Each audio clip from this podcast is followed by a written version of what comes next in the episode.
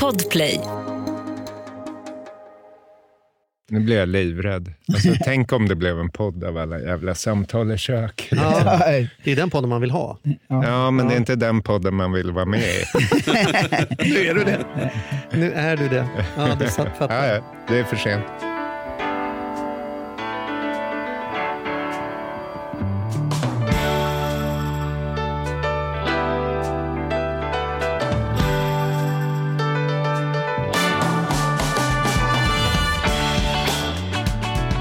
Hej och starkt välkommen till Ekonomi på riktigt med Charlie och Mattias.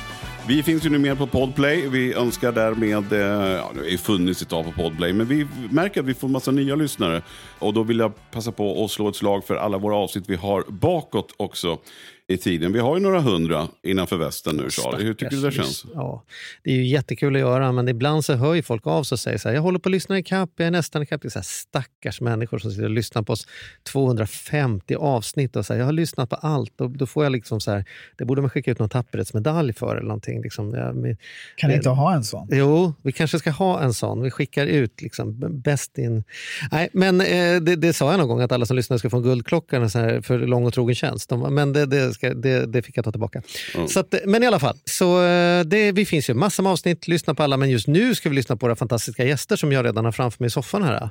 Mm. Vi har suttit och, och mjukpratat lite innan sändning som man gör. Och det kändes nästan så här, vi skiter i att sätta igång. Vi, kör, vi bara pratar på. Men, men, det, ja, men vi måste väl ändå bara... Hur är det med dig? Ja, som med mig ja. Jag, jag, jag, Nej, men bjud in gästerna. Vi tar hand om gästerna först, så får, serverar vi dig sen. Så börja med att presentera våra gäster. Då. Ja, precis. Och då så säger vi varmt och stort välkomna till Musse Hasselvall och Robert Svensson.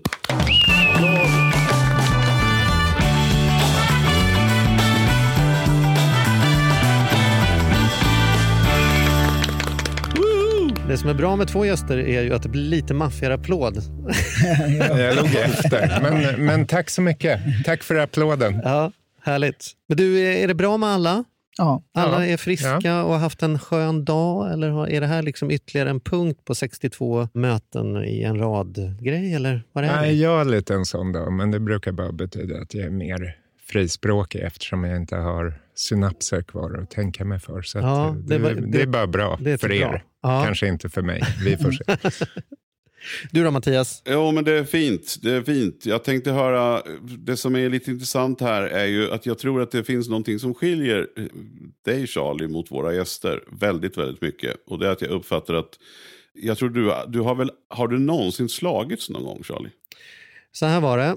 Jag var ju väldigt mobbad när jag gick i skolan och en av de sakerna som var till min nackdel då, att jag var väldigt rädd för våld. Jag var väldigt rädd för mig själv i våld och sådana saker. Så att jag har väldigt dålig tillgång till det. Förutom en gång eh, i eh, femte klass då Max knuffade mig i ryggen och jag, det bara Ja, någonting tände till som inte har tänt till. Det var väl liksom droppen som fick bägaren att rinna över och det blev ett sånt här riktigt skolslagsmål där liksom, min upplevelse var att det var hundratals barn som bara var runt omkring och sen så var det rallarsvingar på riktigt. Mm. Och jag kommer ihåg att jag försvarade mig inte alls utan jag bara tog och matade, tog och matade till den här Max som var lite av en bad boy i skolan eh, blev så rädd så att han sprang in på rektorsexpeditionen. Jag, jag grät och jag grät och jag grät, men inte för att jag hade så ont utan för att jag var så arg och det fanns så mycket vad den där energin är som kommer ut. Så det är mitt enda slagsmål jag haft. Sen såg jag aldrig Max mer för att han flyttade till Sydafrika. Inte för att vi hade slagit så mycket utan för att hans mm. familj flyttade. Så det är mitt enda, mitt enda liksom så fysiskt våld eh, som jag har. Och som du hör så lever det kvar som, en, som mycket tydligt Hur känns det när du tänker på det? Dels så känns det som att det skulle vara trevligt att träffa honom och mm. se hans upplevelse av detta. För att i efterhand, som en mognare människa, kan jag uppleva att han säkert hade en tuff tid. Det var liksom, ja, det, det, det är någonting som gör att man blir mobbad. Så, mm. Och det finns också någonting som gör att man mobbar. Och båda de två situationerna är värda att prata om. Men jag kan också känna att det var otroligt eh, förlösande att få vara i min kropp. Att någonting kunde få bli konkret. Det var ju som att jag ständigt var rädd men i det där väldigt kompakta ögonblicket så var faktiskt inte rädslan närvarande utan det fanns ett, filosofiskt där, men ett ögonblick av autenticitet. Mm. När liksom, det fanns inget vad kan hända, utan nu, nu händer det lite som att titta mm. under sängen på det där monstret, om det fanns något monster där eller inte. Mm. Men då undrar jag, vart det någon skillnad nej, bland kamraterna? Man... Vart du mindre mobbad? Nej, Steg nej, det hade du varit... graderna? Nej, nej, nej, nej. Det, det, det, jag var tillräckligt, jag var så pass mycket slag på sig så det var nog mer bara ett, ett, en hack i kurvan. Och sen gick man tillbaka till att säga hej lite högt när jag gick förbi och så hoppade jag och tappade böckerna och så tyckte man det var jätteroligt för att jag var så rädd hela tiden. Så, så nej, det finns ingen sån solskenshistoria att sen dess så fick jag någon respekt eller någonting sånt där. Men det, det, det är ju min enda våldska. Hur är det med dig Mattias? Har du, har du en eh, historia av A History of Violence? Var är du i Nej. våldet? Nej, det har jag inte. Men jag, jag levde ju på... Dels har jag jobbat på fritidsgård och jag har haft kompisar. Jag har drivit gym i början på 90-talet och jag drev det gymmet tillsammans med en kille som var typ, ja men han var svensk mästare i taekwondo. Jag minns vi var uppe och tittade i Solnahallen och det här vet säkert herrarna herrarna Robert och Musse. Men jag, jag vi vi satt förmodligen han... där bredvid på läktaren. förmodligen. Ja. För det, det, var en, det var en speciell stund därför att han och min kompis Erik, han mötte eller han som jag hade eh, företaget ihop med, han mötte då Paolo Roberto som var liksom känd från Stockholms nattfilmen och sådär. Och, och sen mötte han honom i ringen och sen så dömde domarna att han vann.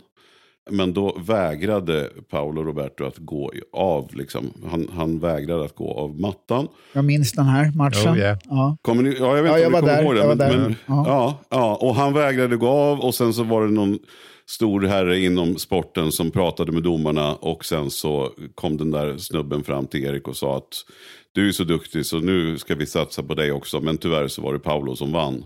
Så att hans protest där då han satt på mattan en kvart gjorde att domarna dömde om. Och sen mm. fanns det där på video. Ja, jag var där jag tyckte det var så orättvist. Fan, vilken märklig historia. Ja, ja mm. men det, det, det var... Mycket som är Inte märkligt. helt ovanligt på den tiden. Nej, nej, nej. Kampsporten på 80-talet var det kändes som att det var några andra krafter än de vanliga domarna som, som styrde, eh, fick man definitivt känslan Tips för nästa års Melodifestival. Gå bara inte av scen. Nu, nu, nu är det jag som Wow, vinner. jag gillar hur du tänker. Det är väldigt jättebra. ja. ja, nej, nej, men så märkte väl jag också, ska jag säga då, att det som jag tyckte var lite otäckt var att jag jobbade som fritidsledare när Stockholmsnattfilmen kom.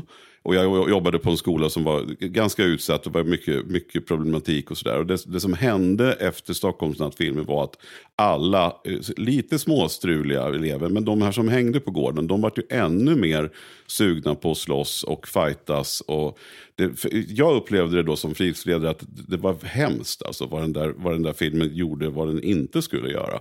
Det jag också vill tillägga, för det här är så kul att höra era aspekter på sen, Musse och Robban, men för mig var det ju också då att tyvärr så var det ju så att de som var de tuffa killarna märkte jag och de som, som slogs och hade sig. Det var ju de som, som de vann ju liksom där och då, sen kanske inte över tid, men där och då så vann de ju, de fick massa mera tjejer, mm. de, fick, de fick respekt, de fick alla möjliga erbjudanden, de kunde liksom Alltså de, de tjänade på där de höll på med någonstans. Oh yeah. Det kommer jag ihåg att jag liksom... Så, om de ja. någon gång ansträngde sig i plugget så kan du ge dig på att de fick mer beröm och att de fick mer uppmuntran. Mm. Så att, eh, nej men det är... Men hur är du med våld Mattias? Har, har du själv varit mm. i...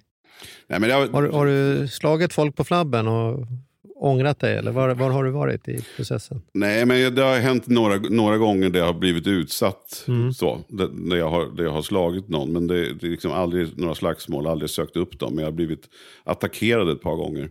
Då har du men försvarat jag tycker dig? Det är jätte, mm. Ja, jag tycker det är jätteläskigt. En gång var det på Cityfesten i Gävle där en kille kom fram i pisaren och eh, tog något grepp på mig och tog tag i min i min lille, i min lille spillevink, den man kissar med helt enkelt. Det gjorde han också? Oj, oj. oj, det var jätte... Det har jag faktiskt aldrig hört talat om att någon råkat ut för på det sättet. Nej. Nej, nej alltså han kom, han var bra dragen men var äck, alltså det var jävligt obehagligt. Otroligt äckligt och stor och stark såg han ut. Och då, då var, fick jag också ren panik, liksom, att man, man, man slog till honom. Och mm. då var, var, han så pass eh, vad ska jag säga, drucken så att han stöp ner i, i pisaren och jag sprang ut därifrån. Och jag tyckte det var hemskt.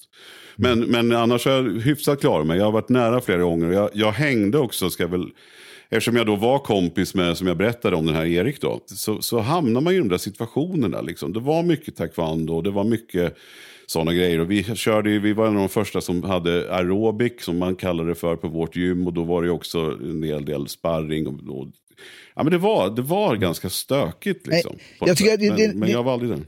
Det är en grej som blir intressant som jag tycker som, som händer när du berättar den här historien. Att du säger nej, jag har egentligen inte varit någonting. Och sen berättar du en ganska, liksom en ganska grov historia. Mm. Där du har liksom också tagit dig ur den med våld. Liksom. Eh, mm. Men ändå mm. räknar du det som att inte du har varit egentligen i någonting. Och så har det varit för oss att skriva boken, att vi började en ände där vi båda två var ganska överens om att vi inte eh, hade liksom egentligen inte varit så våldsamma. Och, och då är jag ju till exempel gammal mobbare då istället. Mm. Och jag tänkte mycket på det du sa, för att när du berättar din historia, då är det som att så här, jag känner mig väldigt mycket igen i din historia. Alltså här, att så här, börja gråta när man blir arg. Så även om jag var mobbare, och, och lite vad du sa också, att man är ofta Alltså det, det, våldet eller liksom mobbningen är ofta symptom av något annat, utan att skylla på någonting, vilket jag tycker är viktigt att inte göra. Men när man liksom börjar leta i de där grejerna så är man, har ju varit så, så, så som man så tror jag man väl ganska fort kan hitta ganska mycket grejer ändå där man har varit inblandad eller liksom på något sätt varit en del av våldet utan att ens räkna det som att man har varit det. Men då måste jag börja med en så här skitnödig fråga här. Då. Vad menar vi när vi säger våld? Alltså vad, hur, hur, har ni definierat, eh, när vi pratar om våldet i boken, vad, vad, är våld? Liksom? Är det fysisk kontakt som är våld eller finns det liksom mentalt? För jag upplever att det mest våldsamma jag utsatts för i mitt liv har ju kanske inte varit liksom, kött mot kött. Och min son som är 12 år, han och jag kan ju gå omkring och göra fälleben för varandra på stan och här, slå varandra på, på armen och min fru är bara så jag fattar inte vad ni håller på med. Liksom. Och, och han, han bara, vi, vi skrattar, vi älskar vi älskar att uh, brottas och vara fysiska med varandra. Det upplever inte jag att våld och, och fysik, alltså vad, vad har ni? Nej, men jag tror att vårt sätt att se på våldet, och det här var ju liksom en process medan vi skrev, men det är ju våldet som maktmedel och språk egentligen. Och mm. eh, där är ju det fysiska våldet är ju bara liksom, det är som att skrika det språket. Alltså det finns ju, man kan ju jobba med det väldigt subtilt också. Och, bara, och att, vara, att ha konversationskunskaper eller ha djupare kunskaper i det här språket ger ju en väldig massa fördelar. Det kan ju också vara ett sätt att undvika fysiskt våld. Hur då menar du? att man... Ja, men jag tänker jättemycket på den historien du berättade i början. Liksom att, eh, ja, men jag tror säkert att, vad hette han? han som, Max. Max. Han, han var säkert rädd för våld också. Jag tror att våld är ett sätt att, att skydda sig. Att ha ett våldskapital kan vara ett sätt att slippa våld. Mm. Att placera sig själv högre upp i en hierarki gör att man minskar risken för att bli attackerad. Så jag kan tänka mig att han, han var lika rädd för våld som du. Mm. Och vår, vår, det är olika varför man söker sig till kampsport eller sådär. Jag tror att vi är överens om att vi sökte oss dit för att vi var rädda för våld. Och vi ville inte bli förtryckta av andra som hade mer våldsförmåga än oss. Men, men, men er bakgrund då? Jag, jag känner ju, Musse du och jag känner ju varandra sedan säkert 20 år tillbaks, 15 år tillbaks rätt ja. väl. Och du är ju den snällaste människa. Alltså jag, jag har ju så svårt när man ser dig, särskilt när man ser dina öron, så ser man ju att de där har ju fått, du har, du har ju brottats en och annan holmgång.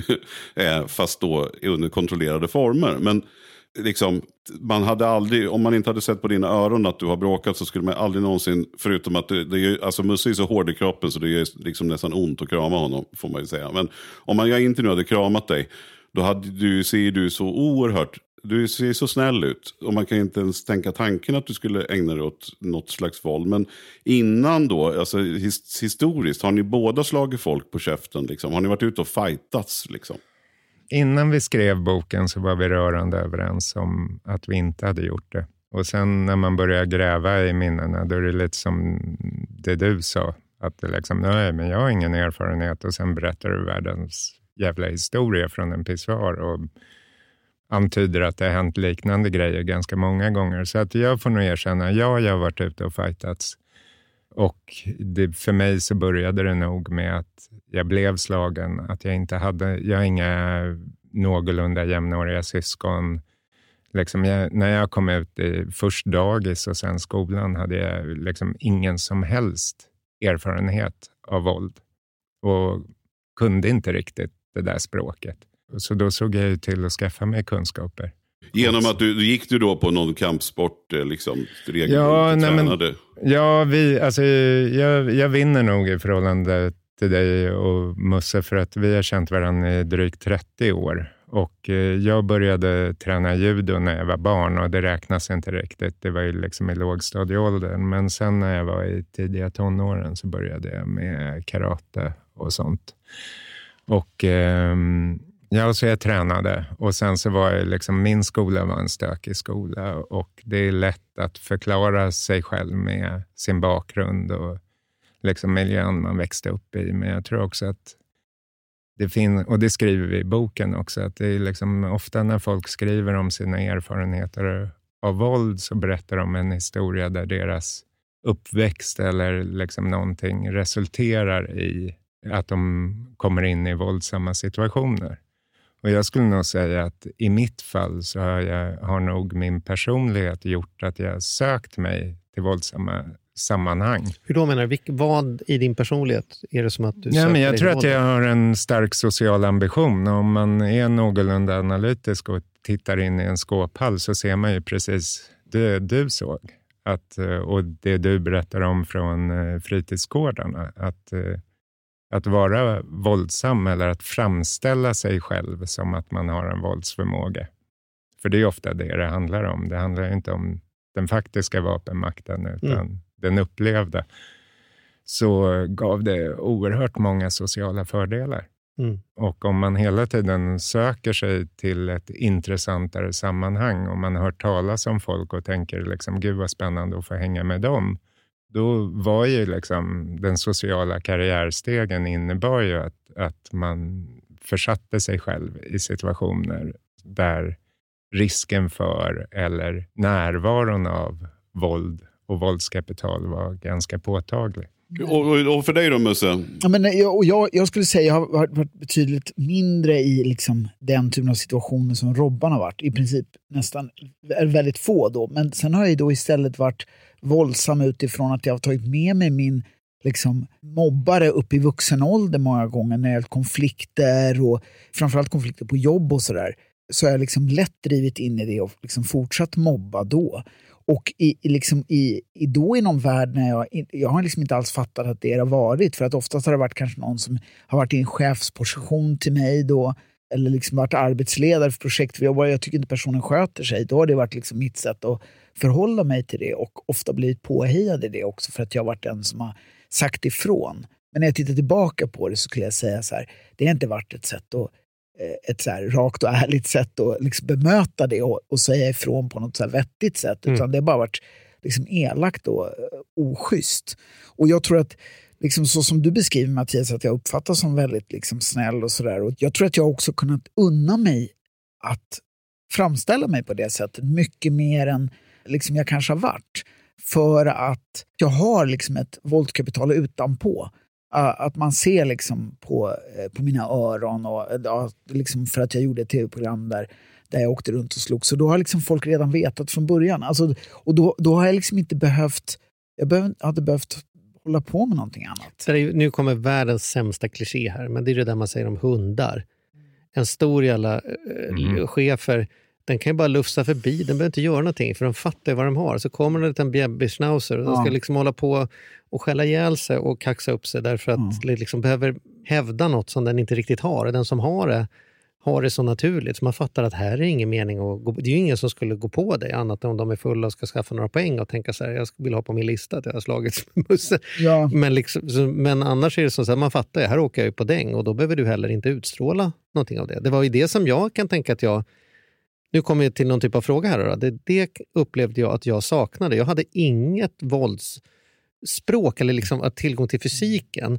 Jag var bara matad hemifrån i liksom min Bullerbyskola liksom, och, och, i min uppväxt att, liksom, att inte, det, är inte, liksom, det, det, det är aldrig okej. Okay. Det finns aldrig något försvar för att liksom bli fysisk. Och där har jag varit nog att inte vara så med min son, inte heja på honom. Jag vill att han ska ha tillgång till sin kropp. För jag tror bara, bara att veta att jag har mina gränser och du, jag kommer inte slå till dig för att du säger någonting. Men om du inte går härifrån när jag säger till för andra gången, säger att nu slutar du, annars så lyfter jag ut dig härifrån. Mm. Att ha tillgång till det mm. tror jag är viktigt för både pojkar och flickor och för män och kvinnor att liksom kunna även rent fysiskt hävda någon typ av gräns för mm. att slippa behöva den där som ska gå och lära sig roundkicks bara för att liksom och det, och det är klart att vi önskar det av våra barn. Ja. Det är klart att vi önskar våra barn att de, att de ska kunna kämpa. Och var, hur lär man sig bäst att kämpa? Genom att kämpa. Mm. alltså, och jag menar, och sen, och jag menar, för tänk på hur det är nästan i varenda... Jag lovar att det är, alltså, i, i till exempel i idrott, som ofta handlar om någon typ av kamp såklart, även om det kanske inte är eh, liksom man mot man-kamp, så tror jag så att även när man liksom är, spelar curling, så tror jag säkert att de använder också ett så ganska aggressivt och militärt språk. Det skulle mm. inte förvåna mig i alla fall. Jag tror de säger så här, okej, okay, innan de går ut så säger de så här, nu går vi ut och krossar dem. Mm. mm. Förstår du vad jag menar? Och det, mm. och det är en sån här grej som man inte... Alltså, jag menar, all, alltid är det liksom, ska det tas dit? när det handlar om så tävling och ta sig fram. Och, och, och, menar, det är klart att vi önskar det av våra barn. Även om vi kanske inte önskar att de blir mobbare så är det så att, att de ska kunna stå upp för sig själva, att de ska kunna kanske ännu mer stolt skulle man ju säkert vara om man, de står upp för andra också. Mm. Mm. Och den grejen är ju liksom super, super stark. Ja, men, du har ett barn eller? Ja. ja.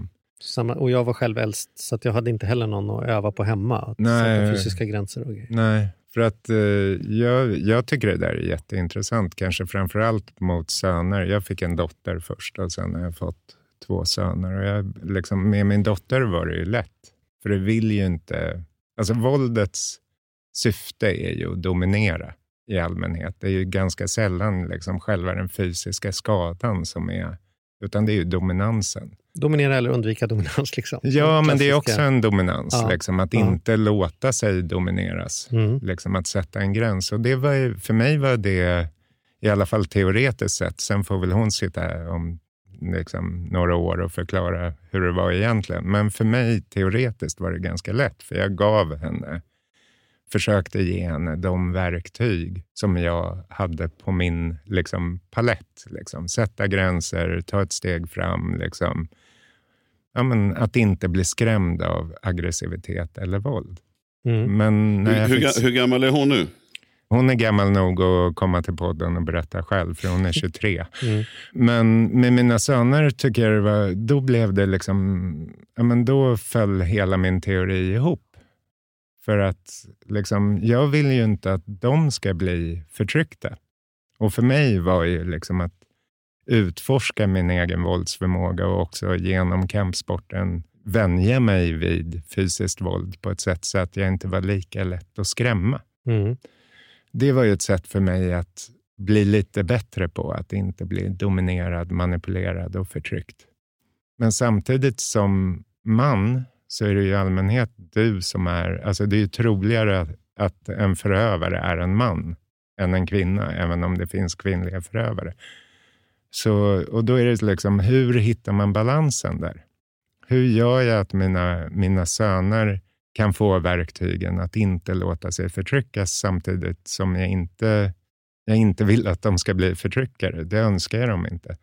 Och, vad, och vad, jag, kan, jag ska inte fråga vad svaret är, för det är Nej, gör inte det. Gör men inte jag är ändå intresserad av att höra hur ni har tänkt. För många av våra lyssnare, det är ju därför ni är här, för vi tänker många av våra lyssnare är i den situationen Mattias och jag är. Man har barn mm. som, som eh, är i skolåldern och man, man är orolig för vad de ska utsättas för. Och är man inte det så blir man orolig för vad de ska utsätta mm. för. Alltså, och jag då upplever att jag har ju bara en tes här som jag försöker köra därför att det vart inte så bra för mig. Mm. Men ni måste ha undersökt detta. Liksom det... jag, tro, jag, jag tror att, att så som du beskriver ert, er bråklek som ni håller på med, mm. det tror jag är jätte... Jag tror bara att det är nyttigt. Alltså både för att det är förberedande för liksom, och så möter han ju dig som vuxen. Så han möter någon som är starkare och egentligen överlägsen. Ja, och säkert tror du med att balansera det där då, men jag tror att, jag tror, jag tror att det där är jättenyttigt. Jag tror att det är för, för flickor och pojkar Och eh, Jag tror att det är nyttigt för att det, liksom, det rustar ju en för någonting. Mm. Jag, menar, sen, jag har inte barn själv, men jag, jag tänker att man vill väl vara jättetydlig med vad man tycker är rätt och fel såklart till sina barn. Men, men det betyder inte att man inte kan hålla på sådär. Jag tror att det, mm. är, jag tror att det bara är för att jag tror att det skapar också någon, något kämpande eh, som, som jag inte kan tänka mig att man... Det skulle man, all, alltså man vill, önskar verkligen sina barn att de ska ha det där liksom, någon typ av kämpa eller kamp i sig. Och så bara, kan man ju bara önska att de gör det bästa av det. Mm. Men sen, var det, det, kanske man måste vara liksom vaksam på vad det tar vägen och mm. vad det handlar om. Liksom. Men, äh... ja, men om, om jag skulle liksom lägga det här föräldraperspektivet, för det är mycket lättare, så är det ju några saker vi håller på med i boken. Och en, en av dem är just det här att apropå hur du uppfostrades med liksom all, det finns aldrig en situation där det är rätt. Då utgår man ifrån, på något sätt från att man ska kunna leva ett liv där man inte möter våld. Mm. Och då, om man tänker våld i en bredare bemärkelse, ett hot om våld, liksom någon som ställer sig över dig och skrämmer dig med sin fysiska uppenbarelse och därigenom får dig att verbal, även om det är en situation där det vore orimligt att faktiskt ta till psykiskt våld, så händer det något i dig som gör dig foglig. Det, det kommer, vi ser inte hur ett samhälle utan våld skulle se ut, eller i alla fall inte överleva. Så om det nu är där, om det nu bor i mänskligheten och i våra relationer, ja, men då är det ju taskigt att uppfostra våra barn som om det aldrig kommer att finnas? Det, det, här kommer aldrig hända. Sen tror jag den andra sidan som jag tror handlar om jättemycket om liksom förhållningssättet och det, det har vi pratat mycket om sen boken. Att, att det blir liksom hela det här offer och förövare som att det var en vågskål. Hur då menar du? Ja, men att det liksom, om jag, alltså när vi berättar våra våldserfarenheter så lät det som Mattias säger, att ja, men någon gjorde något mot mig och då var jag tvungen att försvara mig. Mm. Men det kan faktiskt vara så att du, bo, eller jag hade en tuff uppväxt och då blev det här mitt uttryckssätt. Men eh, du kan ju faktiskt vara 100% förövare och 100% offer. Alltså det ena tar inte ut det andra och jag tror att det är viktigt i relationen till barn, att liksom bejaka offerskapet men också diskutera förövarskapet och åt andra hållet. Alltså det vet ju alla som har syskon, liksom. eller jag som har barn som är syskon. Att liksom, vid det tillfället, den e det ena syskonet, oftare äldre, för det lappar till det mindre syskonet mm. och det mindre syskonet är smart nog att börja skrika och gråta. Då går du in och skäller ut storasyskonet. Men förmodligen har ju det här stora syskonet också varit utsatt för någonting innan. Så att just liksom våga, båda de här, våga låta båda de här sakerna finnas mm. parallellt. Det betyder inte att du ska acceptera det fysiska våldet, men också bejaka känslan av att, ja, men att ha varit utsatt innan man lappade till.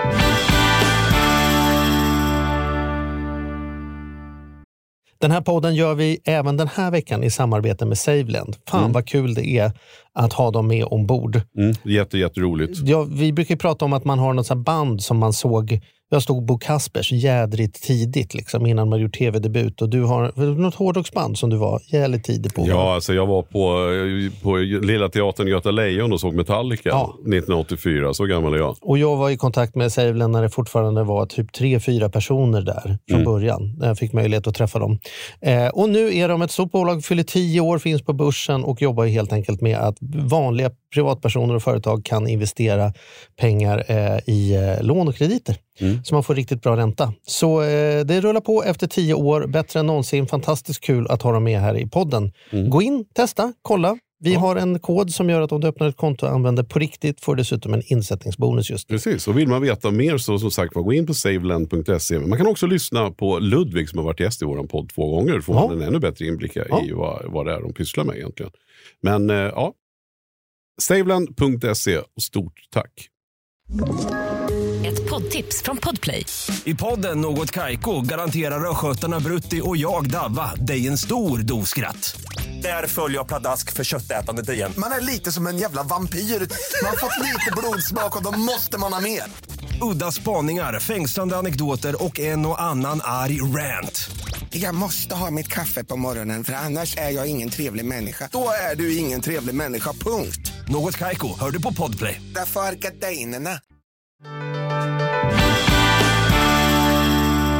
Men, men då vill jag komma in där igen och säga så här, det som jag, som jag, som jag tyckte då, det, det är länge sedan, men jag, det kanske bara är ännu starkare och tydligare nu, men precis som du berättar Robert, att du, du också varit fascinerad av det som, som pågick och att man kunde vinna makt och och då kommer vi också in på pengar som jag, vi äger dock en ekonomipodd. Men, men just det här att, att det, det, jag kunde märka var att man vann framgång tillfälligt. Jag menar många av dem som man nu, i och med att det finns sociala medier och Facebook och ibland så då och då så tar man en sån här gammal sökrunda. Liksom. Och då mm. ser man ju ofta att, att de som var de tuffaste, och då i det fallet så var det ju 99,9% killar som slogs och levde rövare och var tuffa som 17 och sådär. Så, så, så, ibland önskar man att man nästan hellre hade det minnet kvar än hur de ser ut nu. Eh, mm. Eh, liksom 25 år senare. Att det har ju sällan gått särskilt bra. Men man, jag tänker också för kids då så kan man ju vinna man kan ju vinna ganska mycket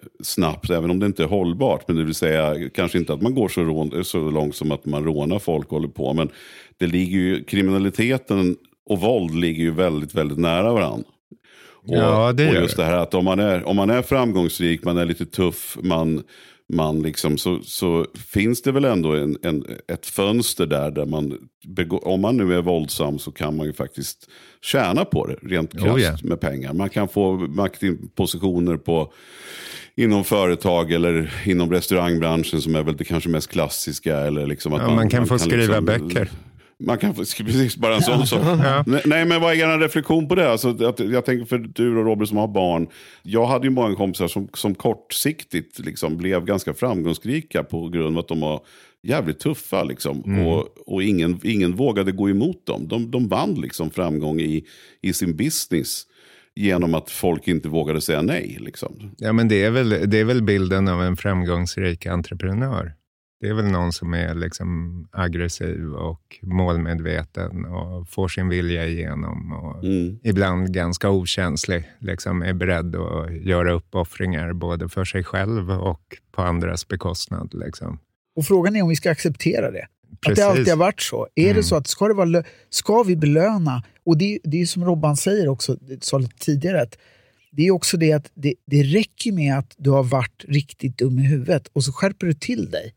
Och då är det nästan som att du är bättre än de som har skött sig hela tiden. Mm. Man gör den där Askungenresan på något sätt och ja, reser sig i sista ronden. Och, ja, liksom, och det är liksom... Det är, det är, och då är allt förlåtet på något exakt, sätt. Exakt, då är allt förlåtet. Och, det, och det, det har lönat sig jämt.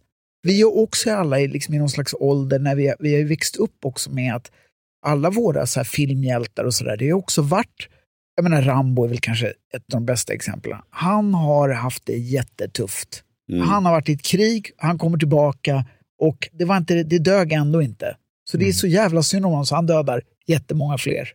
och det är liksom också, allt, det är så mycket, det är så på små, i, i, i liksom populärkultur, i, alltså överallt, det lönar sig alltid och i verkliga livet. Men jag känner inte igen den här beskrivningen alls. Jag skulle säga att kortsiktigt lönar sig kanske, men skulle jag titta på min klasslista eller liksom från skolan så skulle jag säga de där som hade högst i status då, de coolaste tjejerna och de ballaste värstingkillarna, om man lägger ihop deras årsinkomster tillsammans med de 20 procenten som var de mest mobbade, mest utanför, nördarna mm. och geekarna, så, så är det ingen tvekan om vem som har anställt vem.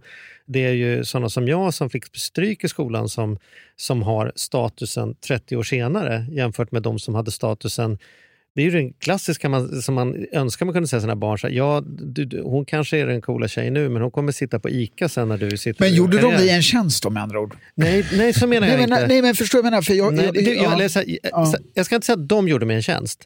Jag har däremot haft en ovärderlig nytta av mm. mina år som mobbad. Oh, yeah. Jag har lärt mig att det är inte så farligt att folk kallar för en idiot, så att jag kan göra saker som andra människor tycker är jävligt idiotiskt. Andra som aldrig har utsatts för det, som tonåring, kan ju få panik när man säger så här, tänkte säga upp mig från mitt starta eget. Två grannar man inte ens känner sig. Det låter farligt. Man, du vet, men jag är så van att folk säger att jag är en loser hela tiden. Så om folk säger det om något nytt jag gör, då tänker jag bara det har jag hört förr. Det, det danar inte mig. Ja. Men är det så att, att, att vara en våldsam person Funkar det i längden eller är det någonstans vid 25 det, då, då de eh, slagpåsarna går ikapp Men det är inte så enkelt. Liksom. Alla, alla som var tysta och snälla i plugget har det inte heller gått bra för. Nej. Alltså, man, det finns ju många vägar till framgång och det liksom, kan du gräva ur flera verktygslådor parallellt. Ansträngde du dig som jag gjorde från och med första terminen i nian så blev ju jag belönad ganska snabbt och kunde sen skaffa mig goda betyg för jag var ju den här som man inte förväntade sig mm. det av. Så att jag fick ju orimligt höga liksom, betygshöjningar. Så att om man ser sig om liksom, i programlederiet, i föreläseriet, i böckerna som står på ICA i bokhyllorna där. Liksom. Det finns väl rätt många med rätt rejäla våldserfarenheter. Mm som finns där. Så att det är en väg till framgång. Och samtidigt, samtidigt apropå liksom, revanschen hos de mobbade, de nedtryckta i, i skåphallarna och sådär. Ja, men där har vi ju haft en utveckling av näringslivet och liksom som har givit en annan väg. Och liksom, det är väl många komiker som vittnar om en liknande uppväxt. Liksom. Men vi kan ju inte underskatta samtidigt liksom att våldet fortfarande belönas mm. i vuxna relationer, i professionella relationer. I, nej men liksom, Musse blir inbjuden att prata om nästan vad som helst för att han är känd och för att han också representerar en väldigt liksom, typisk stereotyp manlighet med sin liksom, professionella fullkontaktskampsportserfarenhet och samtidigt är en mjuk kille med schyssta värderingar som ifrågasätter sig själv och sitt eget mobbarskap och sitt eget sätt att utöva sin manlighet på. Den kombon, den, den är en bra väg till framgång. Mm. Alltså så här, skapa den här, liksom, att bara vara en värsting, ja, men då, du kan inte ens bli en framgångsrik kriminell om du bara har våldskapital. Mm du måste ju ha en annan förmåga också. Ja, det, är, det är otroligt intressant. Det här är ju liksom, man, jag känner hur hjärnan liksom drar igång och man svävar iväg i tankarna. För det är otroligt mycket sådär, precis som du säger, att det finns ju från alla kategorier. Men, men då tänker man ju så här, hur borde det vara då? För att det går inte att låta bli nu ändå att prata om, om, om gängkriminaliteten idag och hur utvecklingen har blivit med våldet, att det har blivit så oerhört mycket otäckare. Och jag kan ju känna själv nu, eh, sådär, jag ska säga att jag inte har varit direkt utsatt, men två saker. Det ena är ju liksom att man vill känna sig trygg när man sitter på bussen eller sådär. Men jag menar, jag säger ju inte åt mina barn, jag menar är det sent så tycker jag inte man ska sitta på tunnelbanan eller att man ska ta de här grejerna. För man har ju, jag har blivit rädd som pappa. Sen tråkar alltid Charlie mig för att jag är en sån hönspappa. Men det är ett faktum att sent på kvällen när det är mörkt så, så, och just när man inte har det här kapitalet. Min son har aldrig varit i närheten av något våld. Han har spelat hockey och, och sådär och haft fysiska kontakter. men, det är han, så jävla intressant att inte det är våld. Han, nej, men, nej, men han, och han är så här anti, han är det värsta han vet är machosnubbar. Liksom. Han, han, han är verkligen ingen sån. Och han skulle ju jag, menar, om det kommer, jag har ju sagt till honom, kommer det fram något gäng eller någon som vill robba dig, släpp allting bara. Liksom. Försök inte göra motstånd, säger jag. För jag tänkte på vad du sa Robban, där, att du vill att så här, sätt fram foten, våga sätta emot. Men jag menar, nu är min son äldre, så nu, liksom, men, men jag skulle ju aldrig rekommendera honom att så här, säg liksom, ja, Det beror ju på, är det liksom en, en, kniv eller ett helt gäng inblandade, då hoppas jag att de springer för guds skull. Ja, ja, men, Eller skriker. Men det, mitt standardsvar brukar vara tips som aldrig funkar. Är det någon som försöker råna dig, skrik det högsta du kan om det finns mm. folk i närheten. För de flesta ja. blir tysta. Ja, men det är bra. Sen var mm. min andra grej, och det var just det här som jag känner att, att det är också det finns ju, som jag kan tänka mig att ni känner då, Robert och Musse, då, att i en situation där man ser någon bli utsatt. Det är ju, lyckligtvis har jag inte varit med så många gånger när man har sett det. Men att Jag vet inte om jag skulle, det är ju lätt att jag kan sitta här och säga, skulle jag se en tjej få en smäll eller se något våld, att jag bara skulle vara en rättskaffens man och gå fram och bryta och sådär. Men jag vet fan inte om jag skulle våga det. Liksom. Mm. Och där tänker jag, jag att ni, att ni ändå har kanske en fördel, för ni vet ju att ni har, alltså att, med den pondusen det innebär att ni sannolikt kan försvara er och, och liksom kunna övermanövrera en sån snubbe så, så kanske ni ändå ja, det på inte, det sättet också. Det är, inte, det är inte bara... Jag var i en sån situation förra sommaren, tror jag det var. Eller om det var förrförra till och med. Där det var en kille. Jag satt och fikade utomhus på ett förortstorg nära där jag bor.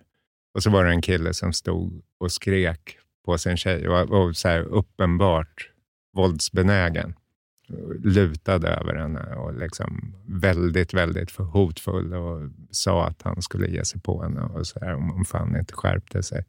Hon satt och var mm. skiträdd. Och till sist så sa hon, lämna mig i fred och så började han gå och så kom han tillbaka och då ropade jag åt honom. Liksom, Hallå, liksom, hörru. Hon sa åt dig att lämna henne i fred. Det får du respektera. Och då vändes ju hela hans aggressivitet mot mig istället. Så att det var ett sätt mm. liksom, på något sätt att avleda honom. Sen, min förmåga där, det var ju att jag har viss kompetens i att avväpna den typen av hotfulla situationer. Därför att jag vet vilken typ av beteende som gör honom osäker. Och det är inte att jag reser mig upp och liksom är beredd att liksom övermanna honom. För i en sån där situation när någon är övertänd, ja, men det kan bli så fruktansvärt. Även om jag skulle klara mig så skulle det kunna bli ännu otäckare. Utan mm. jag satt ju kvar och drack mitt kaffe tills han tog min kaffekopp och slog sönder den och gick sin väg. Men då hade ju hon försvunnit redan. Så det var ju, mm. och där tror jag, där, det är en annan kompetens än att slåss. Jättemånga tjejer är jätteduktiga på att avväpna manlig hotfullhet. För att de tyvärr har arbetat upp en kompetens inom det området. Mm. att, och där är ju återigen våldet som språk. Liksom. Hur, hur möter du den typen av hot om våld? När någon uppenbart liksom fylld av adrenalin, som redan är skitförbannad och så har man dessutom dragit ner byxorna på honom genom att visa för honom att vi ser vad du gör mot din tjej och det är inte dig det är synd om. För det är ju det han känner, att hon, hon är oschysst och orimlig mot honom. Men i det här fallet så var ju det jättebra att du hade den, vad ska vi säga, ska vi säga självförtroendet eller vetskapen. Jag var livrädd. Jag var jätte, jätte, jätterädd. Ja, fast du vågade ändå säga något. Du, du, du tog ju ändå tag i situationen. Ja, man kan ju liksom. inte vara en liten lort som Astrid Lindgren skrev. Men, men, men, men jag förstår att det är inte alla som kan göra det. Nej, precis. Men jag tror inte att det har att göra med det var inte antalet timmar på mattan tror du som avgjorde? Nej, i alla fall inte. Alltså, om man tänker att vi ligger ner på mattan så är jag faktiskt värdelös. så, att, eh, men, så att det är inte... Alltså på ett sätt var det ju det, men det är också det här liksom, hur hanterar en aggression? Och i den där situationen kände jag mig att jag i alla fall hade en tillräcklig baskunskap för att våga ta den risken. Mm. Att få stryk. Liksom. Eller att slå någon så att han skadar sig, vilket jag absolut inte ville. Och dessutom satt jag och väntade på min son och det sista jag ville var att möta honom antingen med mm. blodigt ansikte eller blodiga knogar. Båda hade varit lika jobbigt. Men, eh, Men du beskriver ju ändå någonting som liksom jag går igång på. Jag vill leva i ett samhälle där jag är beredd att stå upp för det som är rätt och riktigt utan rädsla för alltså att göra den där kalkyleringen. Mm. Hur kommer det gå för mig om jag Alltså, sen tror jag mycket så instinktivt, det kan man känna efteråt. Hur fan hittade jag modet till det? Eller tvärtom, varför sa jag ingenting? Jag blev så chockad över att det ens hände. Men, men tittar man på så här, vill jag, vill jag ha någon kompetens om våld? Jag vill jag åtminstone vara tillräckligt orädd för det fysiska för att följa mina värderingar även när det skorpar till sig och någon är arg eller har rejäla överarmar eller är en decimeter längre än mig det vill mm. jag ju ändå kunna säga. Ja, fast fel är fel. Gå härifrån. Liksom. Mm. Utan att jag tänker, jag nej, det vågar inte jag säga. Jag håller helt med dig. Jag, jag är inte så säker på att jag klarar av det där. När det väl smäller. Och jag, och jag, jag tror att, jag menar, där vi började prata om, liksom, eh, Mattias började prata om så här, eh, liksom, kriminaliteten och hur det ökar och sådär. alltså det är inte jättemånga människor som utsätts för det. Skulle jag säga. Mm. De, de, är inte många. Det är ju bara det att det liksom finns, det finns liksom människor som, som lyckas liksom sätta det på agendan just för tillfället och framförallt är det politiker. Och, och, och jag menar, det är inte de... Det, alltså, jag, ska inte, jag ska inte på något sätt förminska det de utsätts för eller att det är vidrigt eller jobbigt eller dåligt. Men det är inte, det är inte någonting som vi går runt och e, egentligen tror jag behöver oroa oss jättemycket för. Utan det är det här som pågår hela tiden. Och det är liksom också någonting vi jobbar, liksom skriver mycket om i boken. Att det, liksom, det finns liksom ganska mycket hela tiden. Mm. Eh, ett tyst hot om våld i massa situationer, framförallt bland män mm. och män emellan. Och i det då liksom kan man så här, sätta ljuset på det där, där, där kanske egentligen ingen skulle slåss ens en gång. Då tror jag att man börjar göra skillnad. För att det behöver, det behöver finnas i det där i oss hela tiden, att vi ser så här, vad, vad handlar det här egentligen om? För att jag upplever massa gånger att jag har sett så här, folk beter sig hotfullt fastän alla vet att ingen skulle slåss. Nej. Men till exempel, jag tror, att, jag tror att det är tillfällen som, ett saker som jag har varit med om där jag märker att till exempel, jag är med i ett tv-program där, där det finns komiker som ska driva med mig. Och då utifrån att de vet att jag har kampsportsbakgrund, då är de lite schysstare mot mig än de är mot någon annan. Och när kameran stängs av säger de så här, var det där okej? Okay? Var det okej okay, det där? Och jag tror att, mm. och jag tror att vet, det sjuka är att, jag, och det här är en sak som jag börjat tänka på på sista tiden, är att jag tänker så här att jag tror att någonstans vet de att jag skulle förlora så mycket på att slå in ansiktet på dem. Men eftersom det kanske finns en liten, liten möjlighet att jag gör det, så är det så här, då kan man ju tycka så här, ja vad ska de göra? De kan ju anmäla mig eller du vet, släppa mig i gruset. Problemet är att då finns det också, tänker jag, en liksom ganska väl etablerad manlig tradition om att det gör man inte mot någon. Förstår För då kommer ju de också. Det, det, är som att för det första blir de förnedrade om jag slår in ansiktet på dem. Sen blir de förnedrade om de är de personerna som går och skvallrar. För det gör man ju inte heller. Håller ni inte med mig? Ligger det inte någonting i det? Jag tror att det, då blir det någon Jag säger inte att du har fel, det är bara långt ifrån min verklighet. Jag, ja, men jag tror att det är någon dubbelförnedring skulle det vara mm. i det. Att, att vara den som blir utsatt. För då ska du också dra det vidare. Då har du också varit en liten jävla fegis. Ja, och, mm. nej, sen, och jag tror att det är så jäkla väl etablerat det där. Alltså det finns i vår mm. liksom, ryggmärg på ett, på ett jäkligt ofräscht Men det sätt. kommer väl också av alla, som du, du pratade om Rambo tidigare. Jag tänker också på så här, jag, jag följde slaviskt den här serien 24 när den kom. Och, och då går man ju så här hemlig dröm. Tänk om man vore som Jack Bauer. Liksom. Han är ju liksom, ingen kommer åt Jack Bauer. Och han är inte våldsam. Apropå äga sitt som, space liksom. Ja. ja, precis. Han, är inte, han går inte runt och slår någon människa på käften överhuvudtaget. Men däremot så, så gör han det om han blir attackerad själv. Alltså, det är mycket serier vi tittar på, alla hjältefilmer.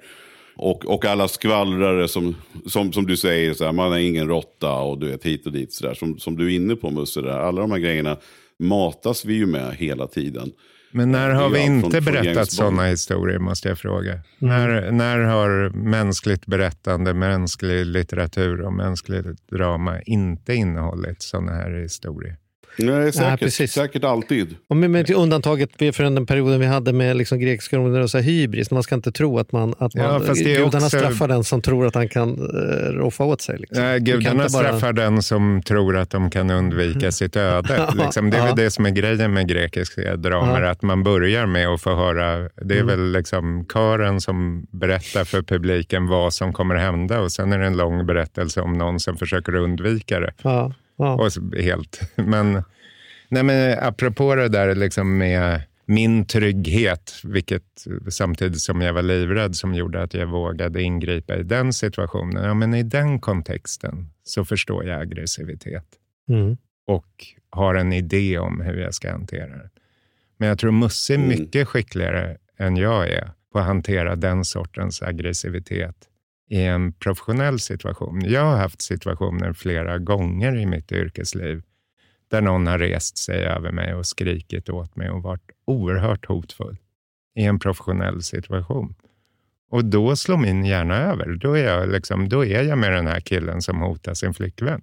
Mm. Så här, och då börjar jag tänka på, okej, okay, hur har han benen?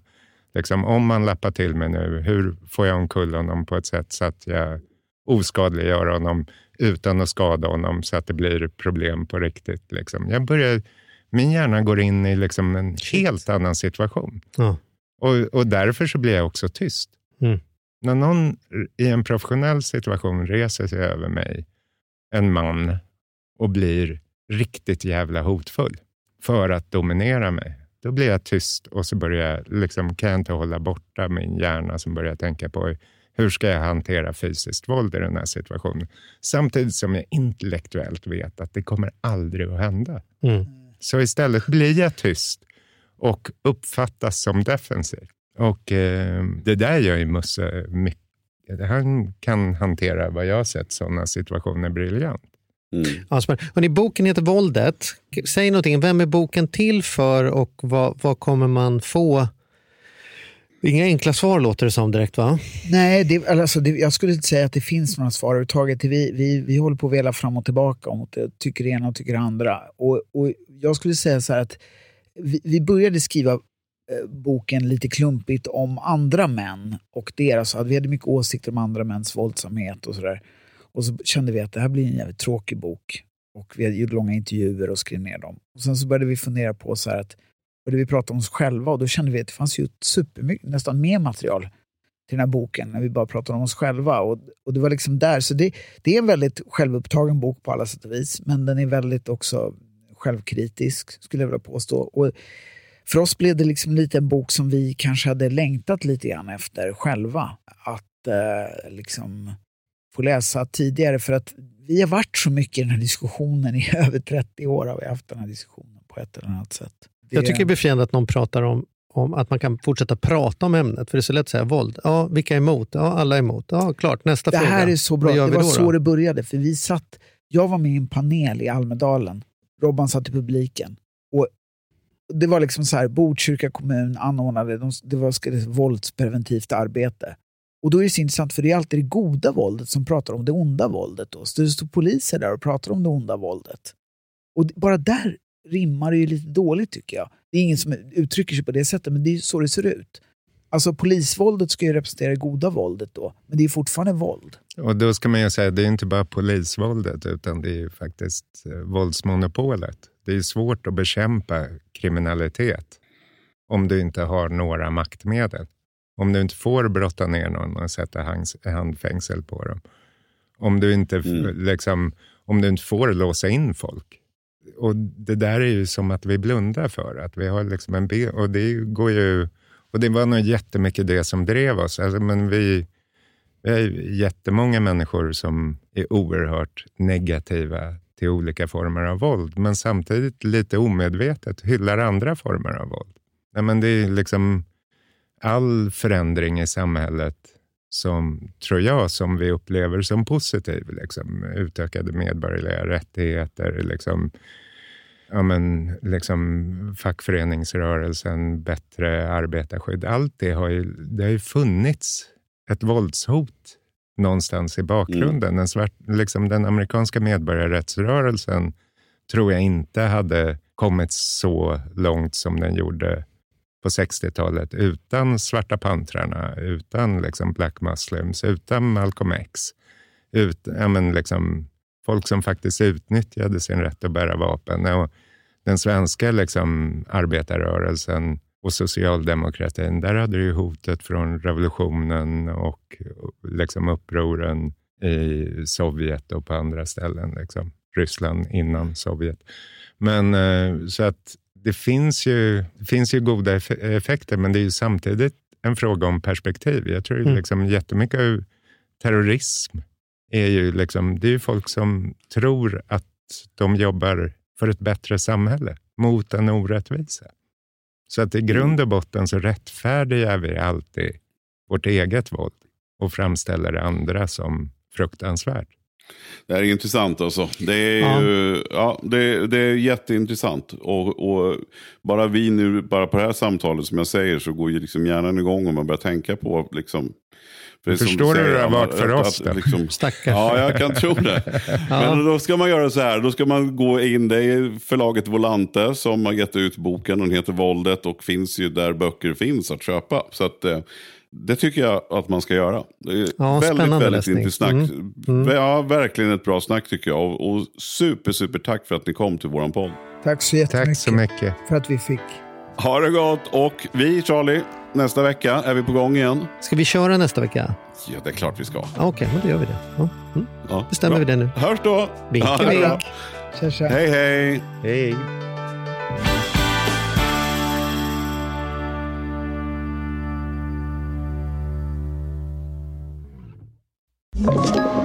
Podplay.